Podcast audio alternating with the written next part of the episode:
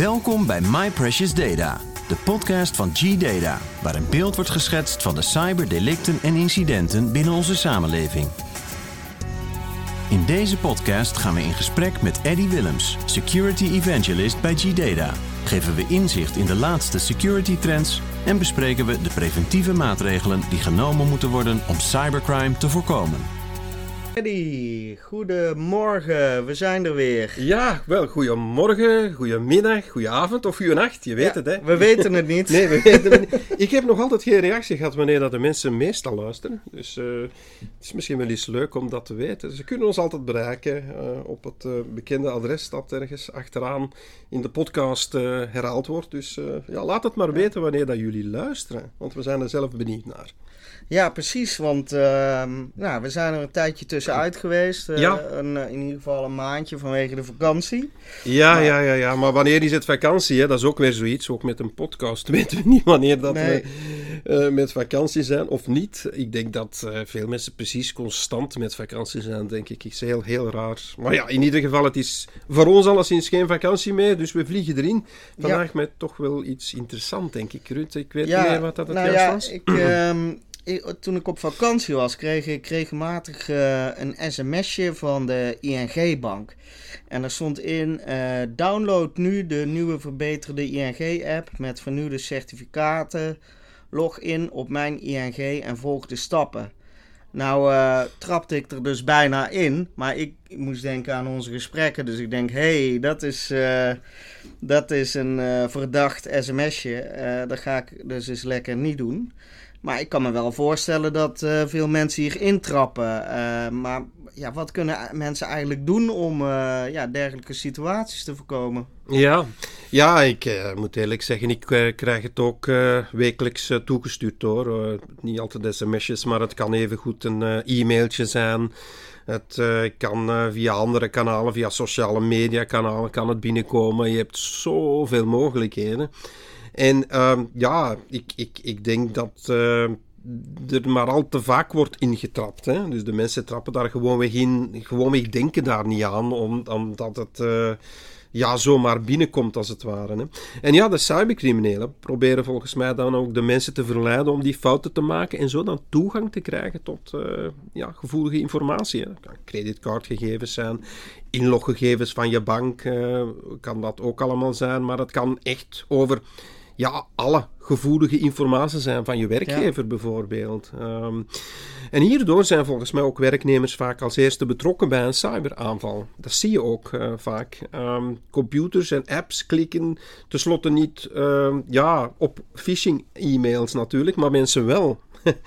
Eh, bovendien hebben medewerkers eh, ook ja, altijd toegang tot het netwerk van de organisatie, waardoor ze een belangrijke rol spelen in die, ja, ik zal maar zeggen, cyberveiligheid van het bedrijf zelf, als het ware.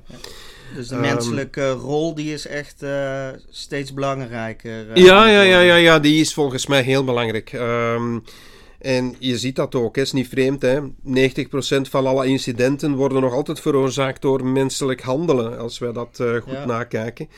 Ehm, dus cybercriminelen voeren gewoonweg aanvallen uit met, met een heleboel technieken. Phishing is daar natuurlijk eentje van. En volgens mij de meest belangrijke.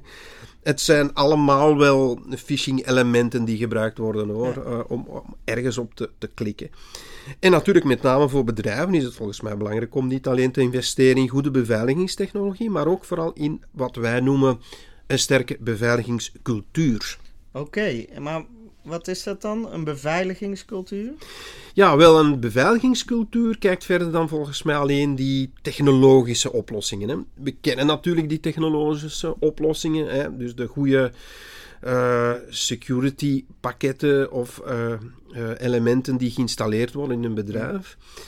Ehm, maar een organisatie met een solide beveiligingscultuur geeft niet alleen aan hoe er met veiligheid wordt omgegaan door eh, een beleid en procedures, maar het zorgt ook voor educatie, dus opleiding op het gebied van security. Hm? Daarnaast promoot het volgens mij goed gedrag en ontmoedigt het meer het, het risicovol gedrag of de neigingen in de richting van die fraude. Hè? Ehm, en volgens mij denk ik ook dat een eh, beveiligingscultuur, maar ik vind het een lastig woord. Ja, ja, ja.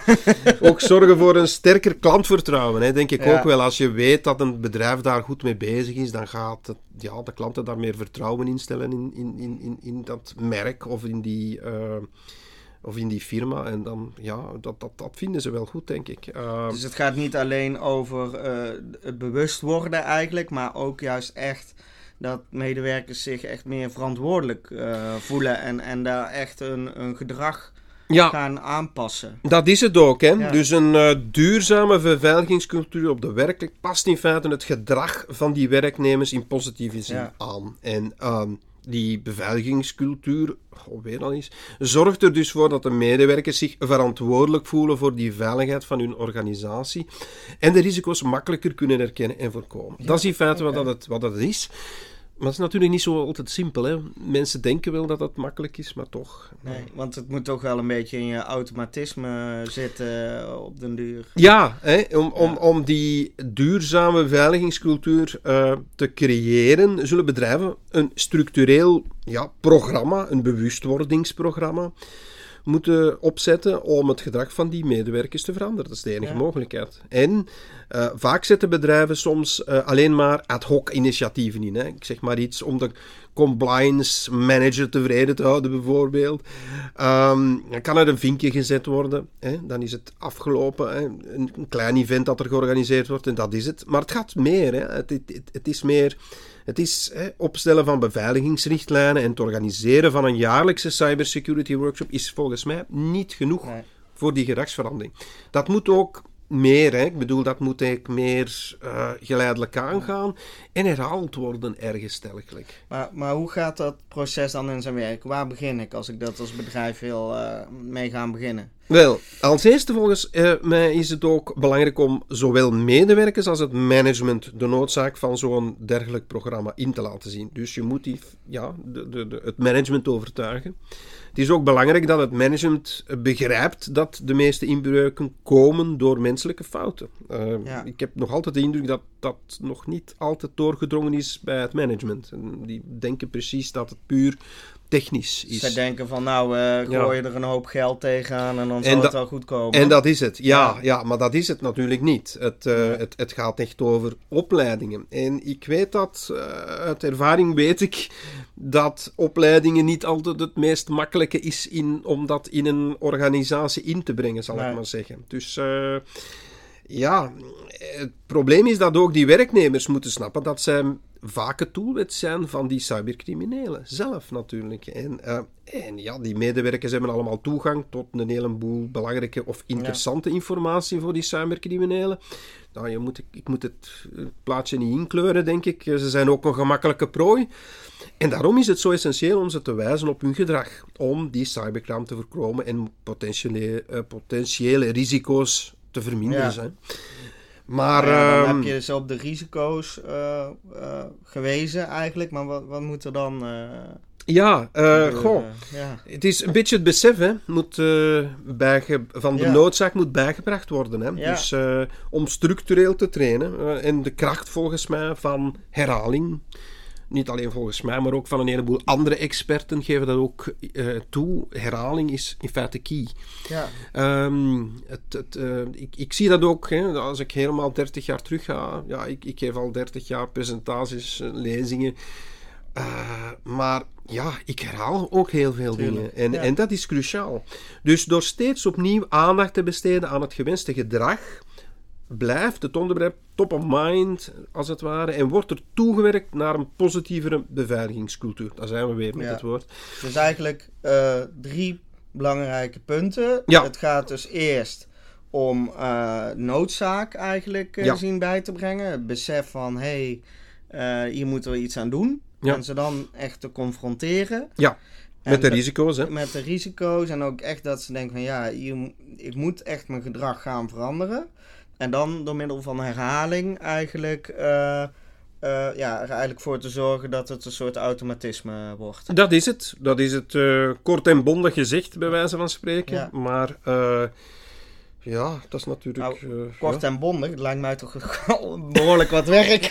Wel, het is kort en bondig gezegd. Maar Ja, hebben, maar we hebben medewerkers daar wel tijd voor. Want Nou, ja, eh, dat- ze hebben ja. ook nog een normale baan natuurlijk. Ja, klopt. En dan komt er natuurlijk het management en die zegt van, oh, daar hebben we geen tijd voor om de mensen op, eh, op, op ja, ja, ze, moeten daar altijd de pla- plaatsing precies voor doen of we moeten daar, eh, ja, opleiding denkt men direct aan van, oei, dat kost een heleboel tijd. Ja. Ehm, ja en nee. Ehm, ik, ik, goh. Er zijn voorbeelden, en een heel mooi voorbeeld vind ik eh, ons eigen e-learning training platform, zal ik Ja. maar zeggen. Eh, zoals bijvoorbeeld hè, de G-Data, de G-Data, of G-Data Security Awareness Training. Eh, is volgens mij daar ideaal voor. Ehm, en eh gewoonweg omdat dat eh, ja, heel makkelijk als het ware binnen te brengen is in het bedrijf. Ehm, zoiets breng je binnen, maar het is online. Met andere woorden, de mensen moeten daar, ja, elke les eh, is bijvoorbeeld iets van een 10 à 20 minuten. Eh, hangt er een beetje vanaf hoe lang dat, eh, ja, de persoon er zelf wil mee bezig zijn en hoe vlug de ene persoon tegen de andere is. Dat zijn 20 ehm, ja, minuutjes op, op misschien een week, als het ware. Dat kan je zo verdelen. Ja, dat is niet veel. En dat is online. Ze moeten zich niet verplaatsen. En er zijn zo een stuk of dertig eh, cursussen op dit moment. eh 30 cur- mini-cursusjes. Eh, ja, eh, als je dat in zijn totaliteit zou zien, is dat natuurlijk heel veel. En dan is dat 30 maal 20. Ja, dan kom je al direct aan 600 minuten. Dat is lang. Ja. Maar als je dat over een jaar verdeelt, bijvoorbeeld, is dat minder lang. En, en dat, dat, ja, dat is wel te doen, natuurlijk. En dan heb je al een hele goede basis, ja, zal een ik zeggen. tool die je kunt toepassen om je medewerkers Ja. eigenlijk voor te lichten. Klopt, maar natuurlijk, ja, maar je moet natuurlijk zien, want ik spreek nu over een jaar, maar in principe moet je zoiets natuurlijk volgens mij ook trekken, ja, herhalen, Ja, want je gaat dingen vergeten. Er zijn ook dingen die misschien wat aangepast worden. Dus dat is een cyclus van, ja, toch makkelijk drie jaar. En dat is het makkelijker, denk ik. Je kan het ook langer laten duren. Het hangt er een beetje vanaf hoe dat je denkt dat jouw werknemers eh, ja, in feite gaan eh, ja, dit gebruiken. Of hoe dat ze dat kunnen ja, assimileren. hè, Of dat ze dat goed kunnen ehm, opvatten en in hun dagelijks gebruik kunnen gaan gebruiken. Als je ziet dat dat allemaal goed werkt, ja, dan kan je na drie jaar misschien wel zeggen van ik hou er tijdelijk eventjes mee op. Maar anders dan zou je dat toch wel je nog hebt toch wel doortrekken. opfrissing eh, nodig natuurlijk. Je hebt altijd opfrissing nodig, Ja. maar het, de key en vooral zeer cruciaal, neem het van mij aan, is vooral dat herhalingsproces. Ja. Ik, ik, ik merk het duidelijk, ik geef ook heel veel herhalingen van wat dat ik vroeger allemaal gezegd heb, maar toch, eh, het feit dat ik het ook moet herhalen en dat mensen het nog mij steeds vragen achteraf, ja, betekent ook dat het, nul, ja, Ja. Dat het noodzakelijk is. Maar ja, En wanneer eh, is het dan echt geslaagd? Eh, goh, moeilijk te zeggen. Als je ziet dat alles begint af te nemen Ja, natuurlijk. En als ja. je combinatie met je security pakket en als je ziet dat je minder ja, aangevallen wordt, zou misschien je kunnen zeggen van goh, het, het begint te beter. Of als je Ja. ziet dat er echt wel eh, verbetering er is. Je merkt zijn. dat wel in Ja. rapportage. Hè? Je merkt dat in rapportage waar dat bijvoorbeeld mensen niet op dingen geklikt hebben, Oh ja. minder malware binnengekomen is. Ja, dat zijn allemaal elementen Dus waar je moet je toch- wel evaluatiemomenten inbouwen. Dat is dan toch wel... eh, Ja, denk ik wel. ja. Ehm, ik, ik denk wel evaluatiemomenten elk jaar is vergelijken met eh, het jaar ervoor, of elke zes maanden bijvoorbeeld. Eh, gewoonweg met de zes maanden ervoor. En dan kijken van, eh, is het, heeft het wat geholpen? Ja, heeft, een eh, phishing is- is- test of zo doen. Ja, ook Ja. phishing tests eh, kunnen ingebouwd worden. Dat, eh, dat is belangrijk, denk ik, dat in zo'n training zit. En natuurlijk ook, ja, een, een jaarlijks eh, opsturen van een aantal mensen naar een congres of een conferentie Ja. of een lezing van enkele specialisten is natuurlijk altijd ja, goed, zal ik zeggen. Ja. Want dat geeft ook eh, nog meer extra input. Ja. En misschien wordt er daar ook wel wat nieuwe dingen geleerd die dan misschien nog net niet in die lessen helemaal naar boven komen, bijvoorbeeld. Ja. Oké. ehm, nou, we moeten dus een, eh, een goed plan gaan ontwikkelen als bedrijf als je een goede beveiligingscultuur wil. Ja, Heb jij nog een paar gouden tips voor bedrijven? wel, ik zou zeggen, luister en praat in het begin veel met de medewerkers. Want dan ga je zelf al merken van hebben zij het nu nodig of niet? Ik kan je verzekeren, volgens mij hebben ze het allemaal nodig. Uh, zelf de specialisten hoor ik soms compleet uh, ja, bepaalde misvattingen hebben over bepaalde dingen. Dus zelfs kleine dingen uh, zijn belangrijk. Dus probeer samen te werken aan een plan. Hè. Dus, en ik denk dat ook op die manier de medewerkers veel meer betrokken geraken. En zullen ze ook eerder de noodzaak inzien van, ja, van zo'n training, zal ik. Ja. En, en um, ja, cybersecurity is ook tenslotte een kwestie die iedereen aangaat. Hè. Niet alleen het bedrijf, maar ook voor je eigen digitale leven. En ik denk ook een veilige samenleving. Hè. Dus uh, ja, daar doen we het dat is uh, toch belangrijk. Ik eh, denk dat we op die manier uiteindelijk uh, met een goede training ja, misschien de wereld ook een beetje veiliger maken. Het digitale stukje toch. Nou, dat is mooi gezegd. In ieder geval uh, hartelijk dank weer, Eddy, voor uh, je input en al je tips.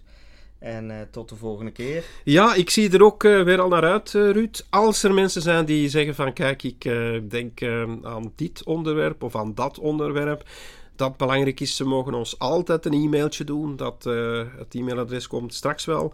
En um, ja, dan denk ik uh, dat we er deze keer weer al mee rond zijn. Maar in elk geval, een volgende keer zijn we er weer met meer. Dankjewel. Bedankt. Dag. Dag. Kom meer te weten over G-Data via www.gdata.nl of www.gdata.be.